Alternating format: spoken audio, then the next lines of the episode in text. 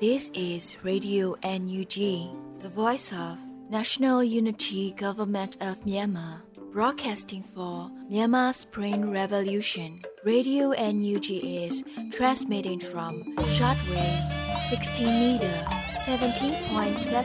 megahertz at 8:30 a.m. and 25 meter 11.94 megahertz at 8:30 p.m. Myanmar Standard Time. မင်္ဂလာပါရှင်။အမျိုးသားညီညွတ်ရေးအစိုးရရဲ့အတန်လွတ်ဌာန Radio NUG ကိုမန္တပိုင်း၈နိုင်ခွဲမှာလိုင်းတူ6မီတာ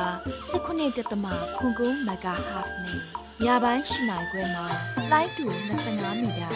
17.3ကိုလီမဂါဟတ်စ်တို့မှာဓာတ်ရိုက်ဖမ်းယူနားဆင်နိုင်ပါပြီရှင်။မင်္ဂလာအပေါင်းနဲ့ပြည့်စုံကြပါစေ။အခုချိန်ကစပြီး Radio NUG စီစဉ်လေးကိုဓာတ်ရိုက်အတန်လွှင့်ပေးနေပါပြီ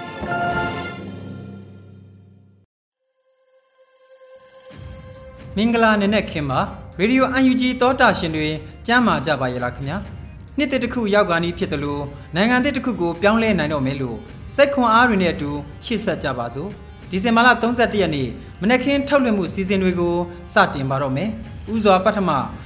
ကာကွယ်ရေးဝန်ကြီးဌာနရဲ့စစ်ရေးသတင်းအကျဉ်းချုပ်တွေကိုစောတဲလူနေကတင်ပြပေးပါတော့မယ်ခင်ဗျာ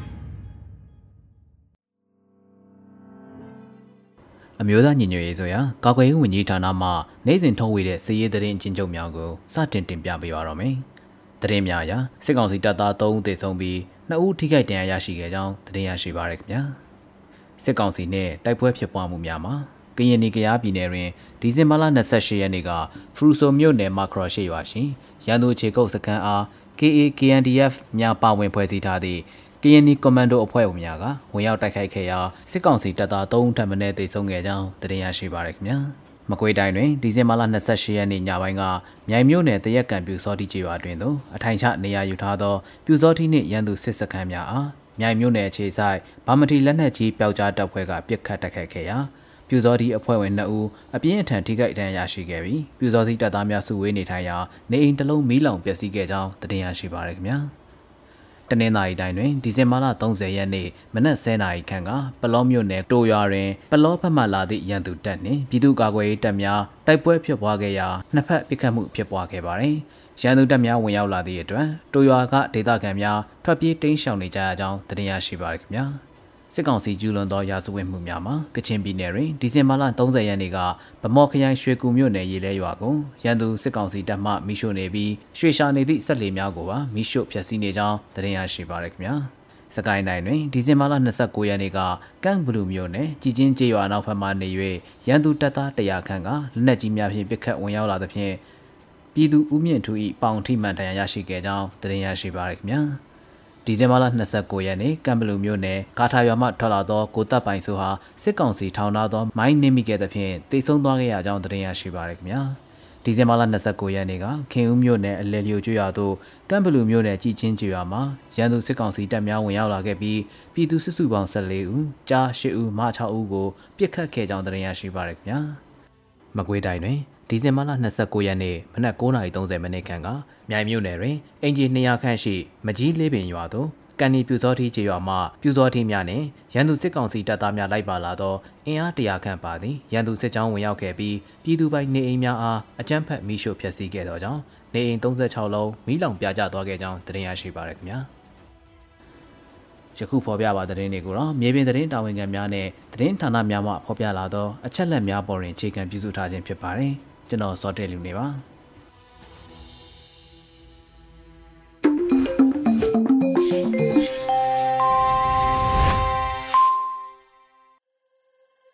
စစ်ရေးသတင်းတွေကိုနားဆင်လို့အပြီးမှာတော့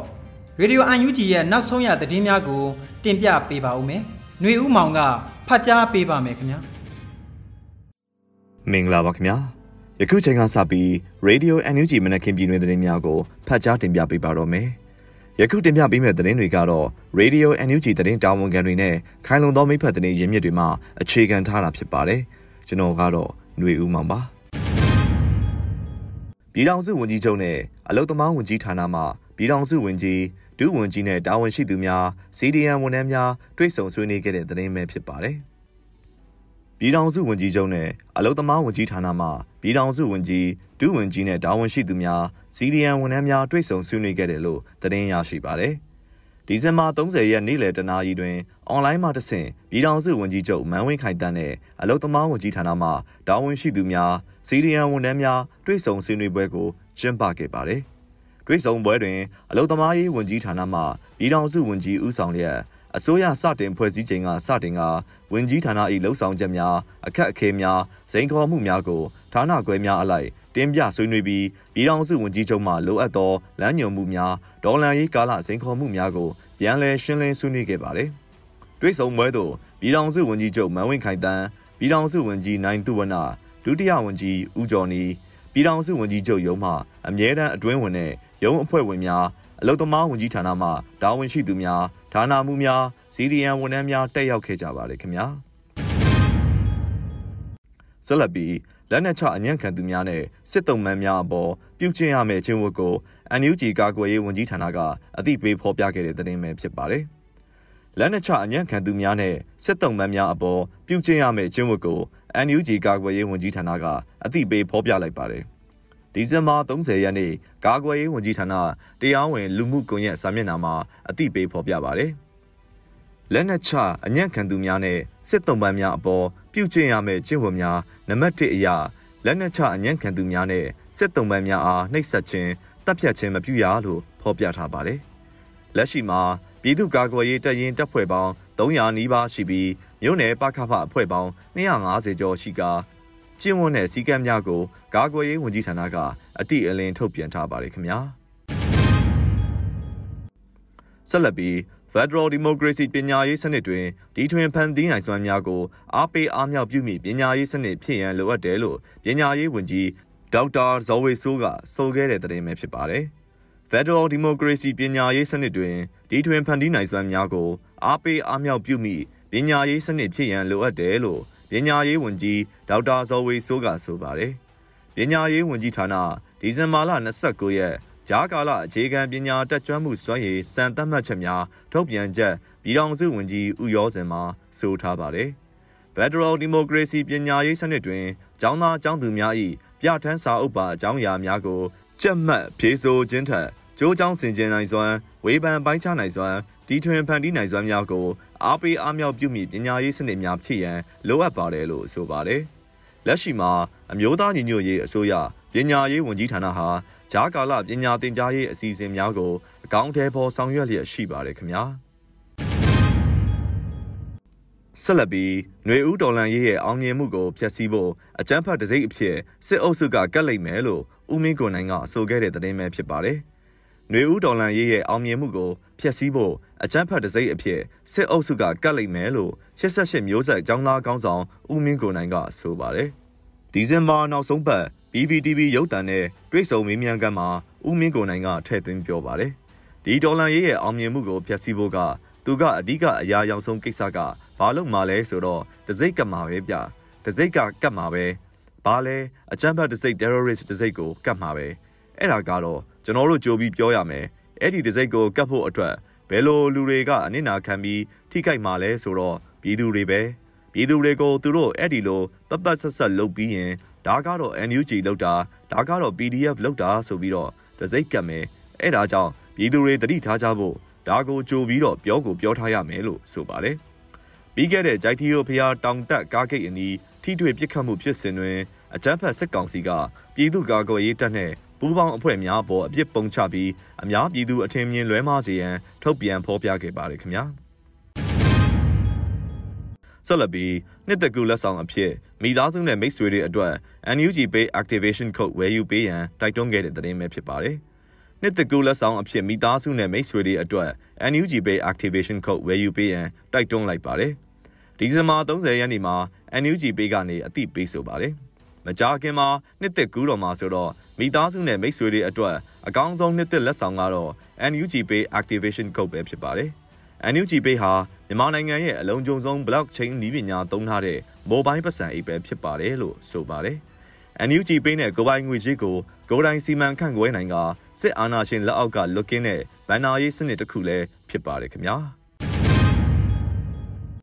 ဆက်လက်ပြီး အကြမ်းဖက်စစ်တပ်ရဲ့ပြစ်ခတ်တပ်ဖြတ်မှုများကြောင့်ຫນွေဦးဒေါ်လာရေးကာလအတွင်းကြာဆုံးခဲ့ရသူစုစုပေါင်း2688ဦးထိရှိလာပြီဆိုတဲ့သတင်းပဲဖြစ်ပါတယ်။အကြမ်းဖက်စစ်တပ်ရဲ့ပြစ်ခတ်တပ်ဖြတ်မှုကြောင့်ຫນွေဦးဒေါ်လာရေးကာလအတွင်းကြာဆုံးခဲ့ရသူစုစုပေါင်း2688ဦးထိရှိလာတယ်လို့သတင်းရရှိပါတယ်။စစ်အာဏာသိမ်းပြီးနောက်လက်တလောဖြစ်ပေါ်လျက်ရှိသောအခြေအနေများနဲ့ပတ်သက်၍ဒီဇင်ဘာ30ရက်နေ့မှာ AAPP ကဖော်ပြအသိပေးပါတယ်။ဒီဇင်ဘာလ28ရက်နေ့တွင် မန္တလေးတိုင်းမတရားမြို့နယ်ပိုဝကျေးရွာကိုစစ်သား60ခန့်ပါဝင်သောအကြမ်းဖက်စစ်အုပ်စု၏စစ်ကြောင်းဝင်ရောက်စီးနင်းစဉ်ကျေးရွာကာကွယ်ရေးအဖွဲ့ဝင်လူငယ်2ဦးဖြစ်သော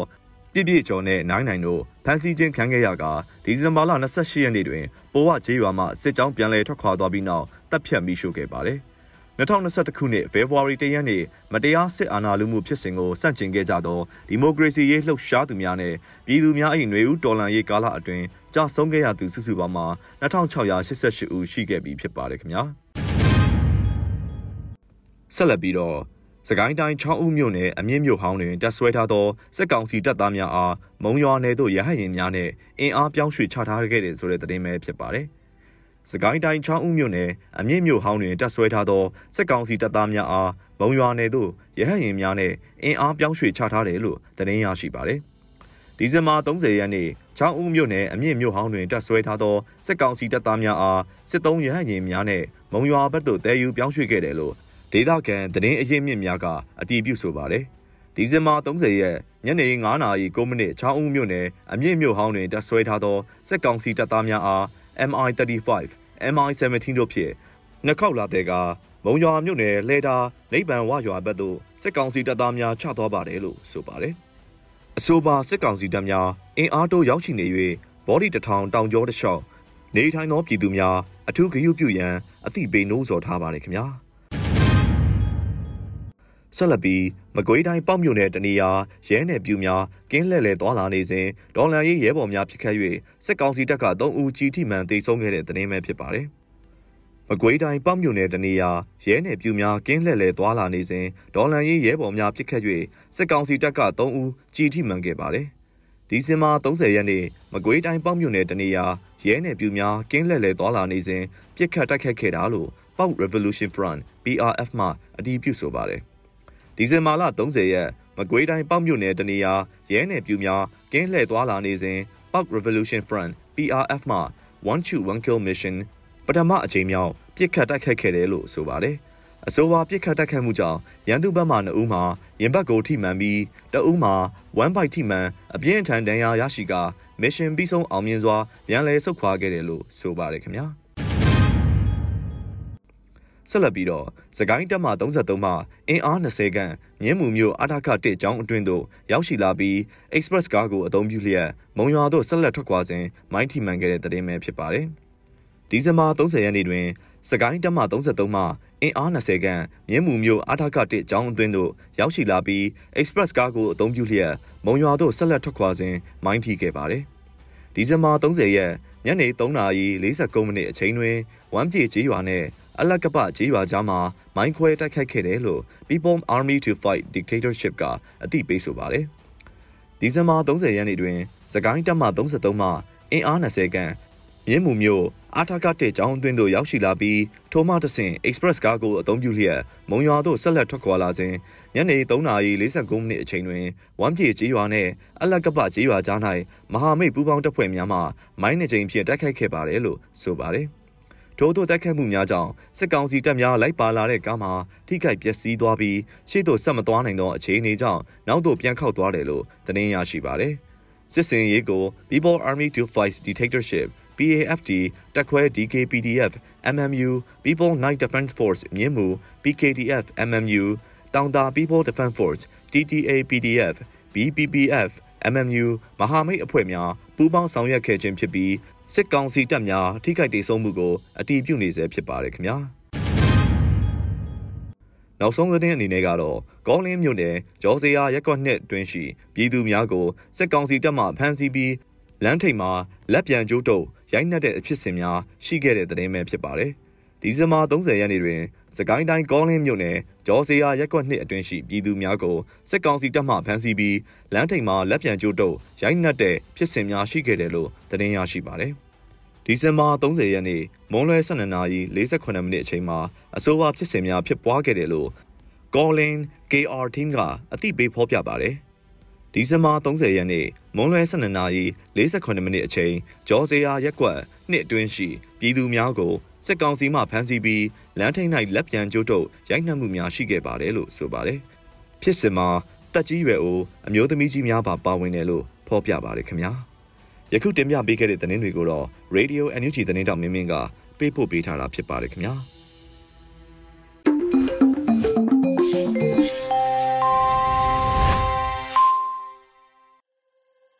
တည်င်းအစီအစဉ်နားဆင်လို့အပြီးမှာတော့ ပြည်သူခုခံစစ်တည်င်းများကို တင်ပြပါဦးမယ်။မင်းနိုင်လူဦးကဖတ်ကြားပါမယ်ခင်ဗျာပထမဦးစွာတေချောင်းနဲ့ဘလော့တွင်စစ်ကြောင်းများကိုမိုင်းဆွဲတဲ့တဲ့ရင်တင်ဆက်မှာပါ။တနင်္လာရီတိုင်းဘလော့မြို့နယ်တဘိုကျေးရွာနီတွင်ဗိတ်မှဘလော့ဘက်သို့လာတဲ့စစ်ကောင်စီရင်နှန်းကိုဒီဇင်ဘာလ29ရက်နေ့တွင်မိုင်းဆွဲတိုက်ခတ်ရာစစ်သားများအထိကိရှိခဲ့တယ်လို့ဒေသခံကာကွယ်ရေးတရင်ကြီးများထံမှသိရပါဗျ။ ဒီဇင်ဘာလ29ရက်နေ့ညနေ3:45မိနစ်အချိန်ဗိတ်မှဘလော့ဘက်သို့သွားတဲ့စစ်သားအင်အား80ကျော်ပါစစ်ရင်နှန်းကိုပရိသာမိုင်းဖြင့်တိုက်ခတ်ရာစစ်သား10ဦးကျော်သေဆုံးပြီးဒဏ်ရာသူများလည်းများပြားကြောင်း King Cobra 4တောကြီးမူရောက်အဖွဲ့ကထုတ်ပြန်ထားတာပါအလားတူတနင်္လာရီတိုင်းတေချောင်းမြို့နယ်တိန်ကုန်းကျေးရွာတိန်ကုန်းရေတကုံလမ်းဝတွင်ဂျမန်နေ့ဒီဇင်ဘာလ28ရက်နေ့ကအကြံဘက်စစ်ကောင်စီချင်းလင်းစစ်ကြောင်းကို မိုင်းဆွဲတိုက်ခိုက်ခဲ့ရာစစ်သား6ဦးသေဆုံးခဲ့ကြောင်းဒေါင်းမင်းစစ်စင်ရင်အဖွဲ့ကထုတ်ပြန်ထားပါတယ်ဆက်လက်တင်ဆက်မှာကတော့မုံရအချင်းထောင်အသစ်တွင်တက်ဆွဲထားတဲ့စစ်ကောင်စီတပ်သားများကိုဒရုန်းဖြင့်ဘုံကျဲတိုက်ခိုက်တဲ့တဲ့ရင်မှာစကိုင်းတိုင်းမုံဝါမြို့အရှိဘက်တာစီချေရအနီးတွင်တီဆောက်နေတဲ့အချင်းထောင်သစ်တွင်တက်ဆွဲထားတဲ့အကြမ်းဖက်စစ်ကောင်စီတပ်သားများကိုဒရုန်းဖြင့်ဘုံကျဲတိုက်ခိုက်ခဲ့ကြောင်းငွေရင်း Revolution for NDRF ကဆိုပါတယ်။တာစီအချင်းထောင်တွင်အချင်းသားများထားရှိခြင်းမရှိသေးပဲတက်ဆွဲထားတဲ့အကြမ်းဖက်စစ်သားများမှဒေသခံပြည်သူလူထုကိုဖမ်းဆီးခြင်းစက်ကြီးကောက်ခံခြင်းများပြုလုပ်နေပြီးအနီးနားကျေးရွာများတို့လည်းအင်အားအများပြားဖြင့်ဝင်ရောက်ကမီးရှို့ခြင်းဖျက်ဆီးခြင်းများပြုလုပ်နေလို့ဒေသကာကွယ်ရေးတပ်တွေကတွားရောက်တိုက်ခိုက်ခဲ့တာပါနောက်ဆုံးအနေနဲ့6ဦးမှာကျွာလက်မီးရှို့နေတဲ့စစ်ကောင်စီတပ်နေပြူတွေကို PDF ကမိုင်းဆွဲတိုက်ခိုက်တဲ့တဲ့တင်ဆက်မှာပါစကိုင်းတိုင်း6ဦးမြို့နယ်မှာကျွာတင်လက်မီးရှို့နေတဲ့စစ်တပ်နဲ့ပြူစောတိတွေကိုဒီဇင်ဘာလ29ရက်နေ့မနက်7:00နာရီလောက်ကစောင့်ကြိုပြီးမိုင်းဆွဲတိုက်ခတ်ခဲ့တယ်လို့ Ike Brother Revolution for အဖွဲ့တာဝန်ခံကပြောပါတယ်။မုံရဘက်ကနေရေချောင်းနဲ့လာတဲ့စစ်တပ်နဲ့ပြူစောတိအင်အား80လောက်ကိုပရိသာမိုင်းနဲ့တိုက်ခတ်ခဲ့တာလို့ဆိုပါတယ်။ကုန်းတော်ရာကိုမိရှို့ပြီးစစ်ကောင်စီအဖွဲ့ထွက်ခွာသွားချိန်မှာ ရင်းနဲ့စစ်ပြီးဖျောက်ထားတဲ့သွေးကွက်တွေနဲ့အသားစာတချို့ကိုတွေ့ရတယ်လို့လည်းဆိုပါတယ်။လက်ရှိမှာစစ်ကောင်စီနဲ့ပြူစောတွေတွေဟာချောင်းမြို့နယ်ကအမြင့်စခန်းမှာတက်ဆွဲနေတယ်လို့သိရပါတယ်ခင်ဗျာ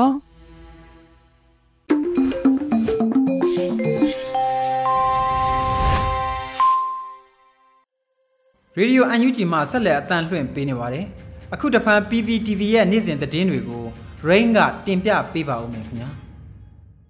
အခုချိန်ကစပြီး PVTV သတင်းတွေကိုတင်ဆက်ပေးပါတော့မယ်ကျမရိန်ပါ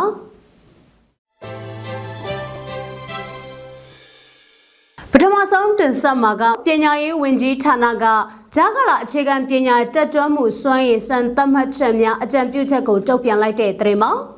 အမျိုးသားညွရေးအစိုးရပညာရေးဝန်ကြီးဌာနကဂျာကာလာအခြေခံပညာတက်ကြွမှုစွမ်းရည်စံသတ်မှတ်ချက်များအကြံပြုချက်ကိုဒီဇင်ဘာ29ရက်မှာထုတ်ပြန်ခဲ့ပါတယ်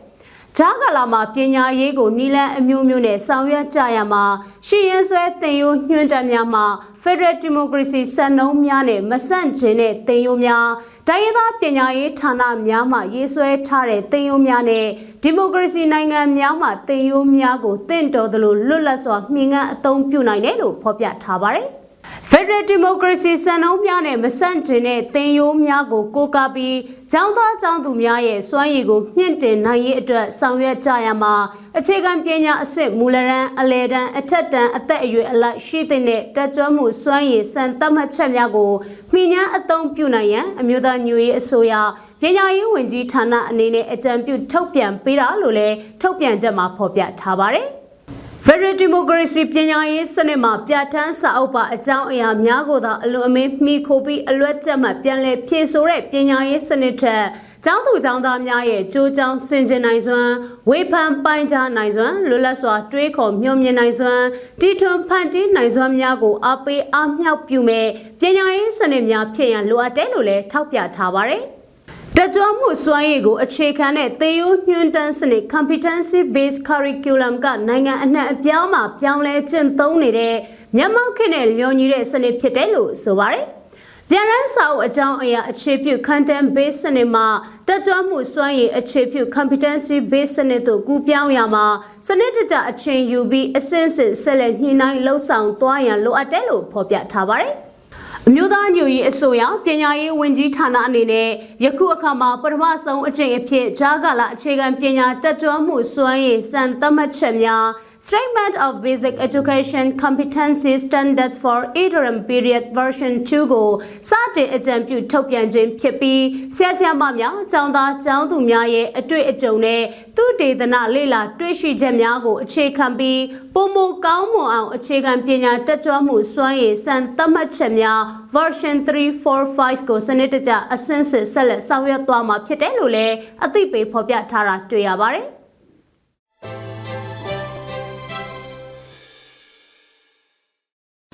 အခုတင်ဆက်မှာကလောင်းလုံမြို့နယ်ဝေဒီရွာကမင်္ဂလာဆောင်မှာဘုံပောက်ကွဲမှုဖြစ်ရအပေါ်လောင်းလုံပြည်သူ့ကာကွယ်ရေးတပ်ကအပြင်းထန်ရှုံချလိုက်တဲ့တဲ့မှာ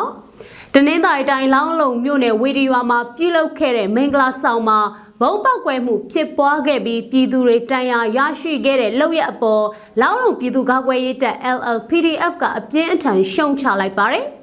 ဘုံပောက်ကွဲမှုကဒီဇင်ဘာ29ရက်မနက်၈နာရီမှာဖြစ်ပွားခဲ့တာဖြစ်ပြီးနေအိမ်အတွင်းပြုလုပ်တဲ့မင်္ဂလာဆောင်မှာဖြစ်ပွားခဲ့တာပါဘုံပောက်ကွဲမှုကြောင့်ပြည်သူ6ဦးထိခိုက်ဒဏ်ရာရရှိခဲ့ပြီးအဲ့ဒီဘုံပောက်ကွဲမှုကပြူစောထီတွေလောက်တာဖြစ်တယ်လို့လည်းလောင်းလုံ PDF ကအသိပေးဖော်ပြထားပါတယ်။ ဘောက်ပေါက်တာကသချင်းဖွင့်ထားတဲ့စပီကာဘေးနားမှာဖြစ်ပွားခဲ့တယ်ဆိုတာနဲ့ဒီလောက်ရကပြူစောထီတွေရဲ့လောက်ရဖြစ်နိုင်တယ်ဆိုပြီးတော့လေဒေသခံတွေကပြောပါတယ်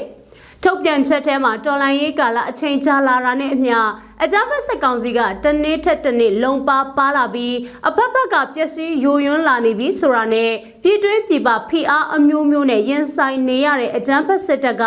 ဒေါ်လာရေးကိုပုံရိပ်ကျဆင်းအောင်နှီးမျိုးစုံနဲ့လှုပ်ဆောင်နေတာဖြစ်တယ်လို့လည်းဖော်ပြထားပါတယ်။ဒါပြင်ပြည်သူတွေအထင်အမြင်လွဲမှားအောင်လှုပ်ကြံဖန်တီးမှုတွေရှိလာနိုင်တဲ့အတွက်ပြည်သူတွေအနေနဲ့အချိန်ပြည့်သတိရှိကြဖို့နဲ့အလှပွဲမင်္ဂလာပွဲပျော်ပွဲရှင်ပွဲတွေကမ်းခြေနဲ့လူစုလူဝေးတွေကိုရှောင်ရှားကြဖို့အတွက်လည်းလောင်းလုံ PDF ကအသိပေးတိုက်တွန်းထားပါတယ်။ကျေးဇူးတင်ပါတယ်ရှင်။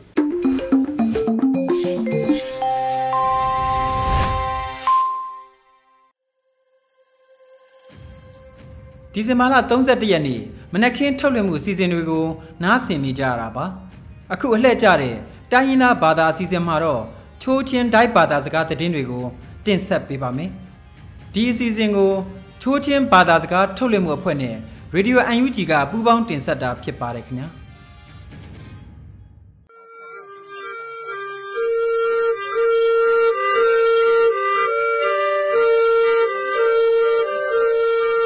ဒိုင်ရီတီယုတ်ထိုင်လူနက်ဆုငါကီနိုဘာဘေနာနနိဂိုင်ဆတ်အကေယောတုငွိုင်ခင်ခါအခဖူကီမတ်ခွန်းစုမတုံဟုံယာကာထငေဆွန်းကေဒိုင်ဆလဟိုင်နောကနင်းယမ်ထဲလတူခိုင်နီအစကာမင်တန်လွန်ဟယာကျေစပူနောခက်ထုမ်အနိယဟင်တျာသန်းဒီအလုံးမီယာဘာမနီယာလုံးဒီတော့ဘူးอังหินากาเซสปูโนซ่อมลุดเฮียเจ็ดขายองยากับลือทรักพรูทิกกีเตียทัง akthumna ka CTF daida polik mat wangwai be tu ki tia thang phi ningai khayani democracy aphu ania ku ina ka NDAA sun tamara president Joe Biden no sing asun bon tia thange nyangai tu khaye ka ki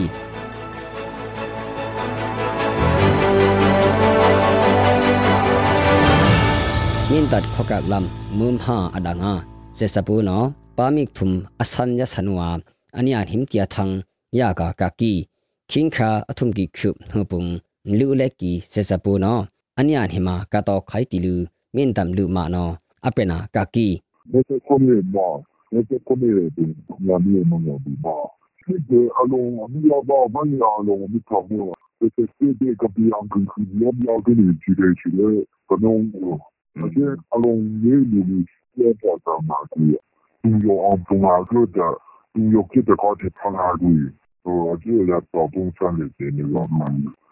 Ntukta ame sangkeang sidhuki. Yaman lu anya him anirok yara bebung to khaye atia kaki. Min dam lu ngot hi khon li sesan hana. Tham dum lo ulu. Nhup tu lu um su senak bikie anitia kaki. Sesapua telegram channel ngta.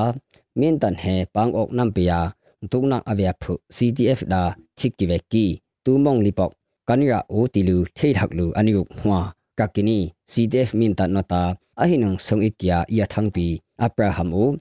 နင်ဟိုအမုံပီဘကုကုမ်လူအာမင်တတ်အထွင်ဟိဟိုင်ပီဇက်စပူနောအနိယမနာကကီအဆွန်ဟိုင်ဆွန်အနိကောင်စီယုံငါအနိယစေပီလာမာမင်တတ်ဂျာဇခနာအနိယမနာကကီမကွိခေါ်ဆွမ်လူနေအားဇက်စပူနောဂျက်ခါယောငုံဒုခအထုံကီခုထုံပုံအနိယကာဖု ที่กรุกซิมโปรเวกีเตียทังหัวกากีอสุวาคาพูทิลูมหาเลบกีติลูนัมมามัดนออเปนากากีทิกีพูอุมงทุมจุนอสักทุมกิบยำหาสิมทอกลอกกีปาเมียทอนอุลูโฮมีมาสุนอสักมากิบยำหาลอกเกียกากีอิมลุกพูซิมโปรลูตูนาลุพีซิมโปรกีวิหับไขอนิตยากากีมากุยขวาเซซาปัวร้องวะนุ่งลอลูเซซอนเวซอ วายายามซุเกียกากินีคิงคราฮลิกอมเนบุง CTF ไดดาปุลิกมัดวางไว้กีติลู CTF ไดนอตูคราအထုံကိဖရုနှပုန်သန်းအနိပရောဟွာကကိနီအဆုနာပုလိကဆွန်မန္တလီအမရပူရာ district ပုလိကရုံကပုလိကလီဆန်မင်းနကယာကကီစေစပူအာကုတ်ဥမာဖုတ်ဘီအမ်ယူတီလူအဟိပါဝางလောဘေကီအနိတယာကကီလီပုတ်မလောပွီအလော ပွီတာသငုံအမ်ယူဦး asuna polik sun CTF dai no um tham do dang ulu lot nak pe da ani tha pong wa ka ki se sa pu a khut bi am yu ki a u wa polik se sa bi do e lu wai ti lu CTF dai no pet kya ka ki king kha haling him hu pong pi CTF dai da se sa mat wang lo khoi kya ka ki ni ဘာပေယာဒီမိုကရေစီအဖုခွိကေဖက်ဒရယ်ဒီမိုကရေစီတူပေါ် EEO ယာကူအီနာ NDAA ဆွန်းအမေရိကန်ပရက်ဆီဒန့်ဂျိုးဘိုင်ဒန်နော်ငစင်းအဆွန်းဘုံတီဆွန်း RFA ထန်ဟွာကကီသီသမ်ခန်းကုဟိမနာဝါယာကူအီနာ National Defense Authorization Act NDAA ဆွန်းဘိုင်ဒန်နော်တူခါအဆုံကီထုမ်နိုဘုံစင်းအဆွနာကကီအဟိနာထုမုံဆက်စပူယမ်ဆွတ်မကိုင်နာပီဘွိကီယာကကီ NUG PDF ရာ EEOA ပုတ်ကီယာဒီမိုကရေစီတူပေါ်ပုံသီထေမြာခန်းကုဟိမနာကာကူအေဝါရဲ့ပုတ်ကီယာကီ NDAA လောစွန် NUG ပေါ်ရာဘပေဒီမိုကရေစီခန်းဘူးနော်အုတ်ဆောင်ရေကိုင်နက်ကီတီလူ NUG အဆုံတမရပရက်စီဒန့်တူဝါလာရှိလာနော်တူခါဟလိခုမ်နှုပုံသံအပရာဖွာကကီနီစုံငိုက်ကီနုဘဘေနာနင်းရရဲ့နောက်နီ ลอเบตุกีขึ้นสูมตูเตียนิ่งคุมเบตุกอมอู